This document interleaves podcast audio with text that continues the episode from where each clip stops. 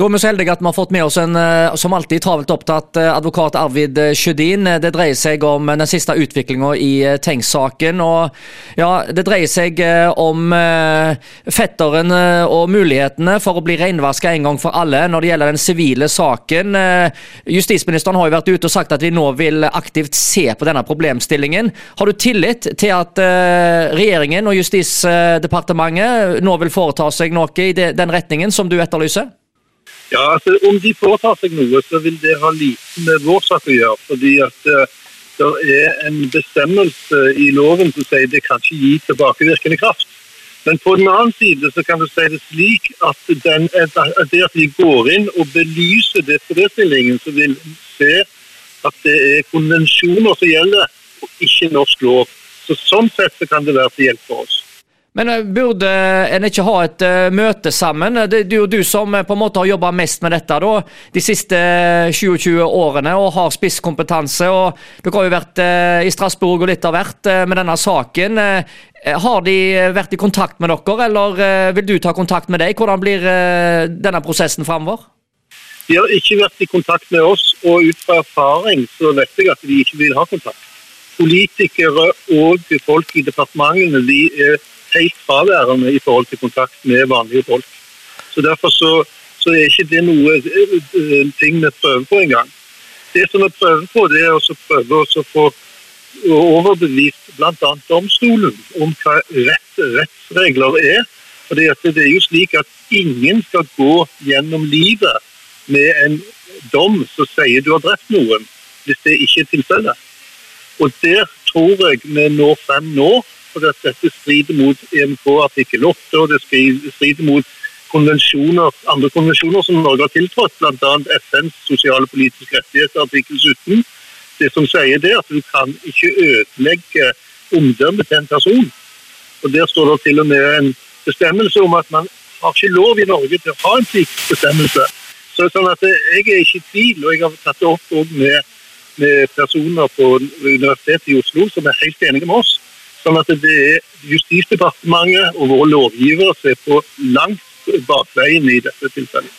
Men Kan vi risikere å komme i en situasjon her eh, hvor eh, en får innført eh, nye lover og reguleringer som vil hindre at dette skal, skal kunne skje i framtida, men at det ikke får tilbakevirkende kraft, og at fetteren blir stående med denne dommen? Nei, han kommer aldri til å bli stående med denne dommen. fordi at tvistelovens paragraf 1-2 har et regelverk som sier at hvis det er motstrid med konvensjoner, så går konvensjonene foran. Så Det eneste vi må lære disse domstolene, det er jo det at det er konvensjonene som gjelder, og ikke, og ikke den norske lov. Ja. Da, da vil det gå greit. Men hvordan eh, vil du angripe dette nå praktisk eh, framover? Jeg går ut ifra at du vil smi mens jernet er varmt, når justisministeren først har vært ute og sagt at eh, nå skal vi se på dette for alvor?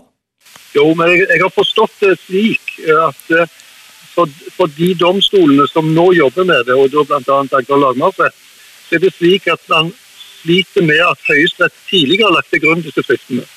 Og for å eh, bestride det, så må man ha noe nytt. Og Det er da man har ventet på f.eks. en tiltalebeslutning med en annen navn på. Og Det er nå kommet, og da tror jeg at veien er nokså klar til å få dette gjennom. Ja, for lagmannsretten skrev, skrev vel òg eh, at uh, en her eh, ville kunne få noe gjort. De var ganske vage, da. Altså, hva tenker du om, om det som de har uttalt tidligere? Altså, De har jo ikke uttalt seg direkte om hva de kommer til å gjøre, og det vil aldri en domstol gjøre. Men jeg forstår det slik at man har venta på noe nytt som da kunne komme inn og så reparere den situasjonen som står i. Så jeg, jeg, er nokså trygg på at lagmannsretten kommer til å gjenåpne. Men, men, altså, i en tidligere domsavsigelse så registrerte jeg at de skrev noe sånn at eh, hvis det ble tatt ut en eh, tiltale, eller det var en ytterligere eh, utvikling i saken, eh, så kunne det få en betydning for en gjenopptakelse? Ja, det stemmer det. Og, og det er det vi har gått etter nå. Det er det vi har venta på. Og når den nå er kommet, så, så, så, er det, så det står sak for lagmannsretten, og den har stått nå i ett år. Ja, for nå er det jo en eh, annen mann som eh, er tiltalt, og denne saken er jo berammet til 7.11. november. denne saken skal jo opp, og ekspertene og de som har sett på, på, bevisene her, mener at det er stor sannsynlighet for at vedkommende vil bli dømt. Men hva skjer hvis, hvis vedkommende blir frikjent? Er vi like langt da? Hva skjer da? Nei, det har ingenting å bety i forhold til Petterns sak. For der har politiet Eh, så sterkt beskrevet i brev og i andre henseender at han er totalt ute av saken. Så finnes ingenting som kan knytte ham til noe bevis eller noe sånt. Og Der vil jeg minne om statsadvokaten eh, i sakene som da pågikk i 1997 og 1998. Startet hver eneste sak med at i denne sak er det ingen andre bevis enn eh, hans egen tilståelse som kan lede til domfellelse.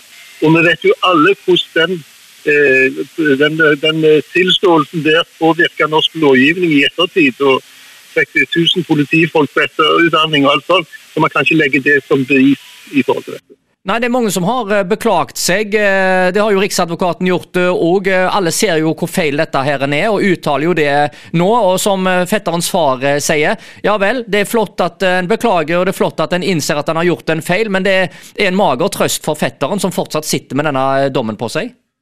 Det stemmer det, og det er en veldig mager trøst. En, alt dette her kommer altfor seint. Dette skulle de sett i 1998, og dette skulle de sett i, i i, i 1999 og 2000. Og spesielt i 2002, når vi ble og skrev for å få bekrefta at vedkommende var, som nå er tiltalt, var sjekka ut av saken. Og Det viser seg at eh, der er det bare vært løgn. Det har bare skjult det. Det fikk jeg først bekrefta nå i, i, fjor. At han ikke kunne se noe sted at han var sjekka ut av saken i 1998, slik det da ble opplyst i, i, i Gulatingsloven. Det viser jo at det, det har vært eh, svakheter med avhørsmetodene tidligere. Dette ser ut til å være forbedra. Cold Case-gruppa har gjort en fantastisk eh, jobb her. Eh, så det er jo eh, positive momenter òg med utviklingen i forhold til det norske rettssamfunnet de siste årene. Så det er ikke helt, eh, er ikke helt svart. Nei, det stemmer det. Og derfor så, så tror vi det at tida er inne nå til å få løst dette. Men det har tatt altfor lang tid. Hva tid tror du det kan komme en, eh, en gjenopptakelse i forhold til å, å, få fetteren ut av denne saken en gang for alle? Eh, må en vente til eh, det har kommet en domsavsigelse i, i, denne nye saken, eller hvordan ser du på det? Nei, den saken har ingen betydning i forhold til spørsmålet om fetteren skal få sin sak gjenåpna i det hele tatt. Det som er det nye der, det er at det er tatt ut en tiltale, og det er tilstrekkelig. og Derfor vil vi få en avgjørelse der i løpet av høsten. Så du tror at eh, det er nært forestående at eh, fetteren her blir renvaska? Ja, det er gode nyheter for den familien. Men så er det spørsmålet hva vil bistandsadvokatene gjøre? For De har jo en mulighet til å anke dette videre igjen. Bistandsadvokaters destruksjon på, på den type saker, det har vi jo sett i flere saker, bl.a. Baneheia-saken, hvor de har kjempa mot gjenåpning i alle år. Og, og, og, og, og destruert, eh, først ødelegge saken. Men nå ser det ut til å gå veien. altså Du har klokketro på at dette skal løse seg nå? Jeg har klokketro på at dette skal løse seg med rettens hjelp, og ikke bistandsadvokatens hjelp. Når det gjelder fetteren, helt til slutt, eh, har du eh, kontakt med han, og hva sier han eh, om det som skjer nå? Jeg har kontakt med han hver dag, stort sett, og jeg oppfatter det som han nå ser en lysning i, i veien eh, fremover og, og setter pris på det. Men det har jo vært et forferdelig liv. Ja, så Det er jo 27 år av hans liv som er blitt ødelagt. Eh, blir det aktuelt med en erstatningssak her? Eh, burde han ikke fått en oppreisning for det som er tilstøtt han? Jo da, det kommer en erstatningssak. Når avgjørelsen er endret, så kommer det en erstatningssak. Og Det sier altså fetterens advokat Arvid Sjødin til Radio Høgåland.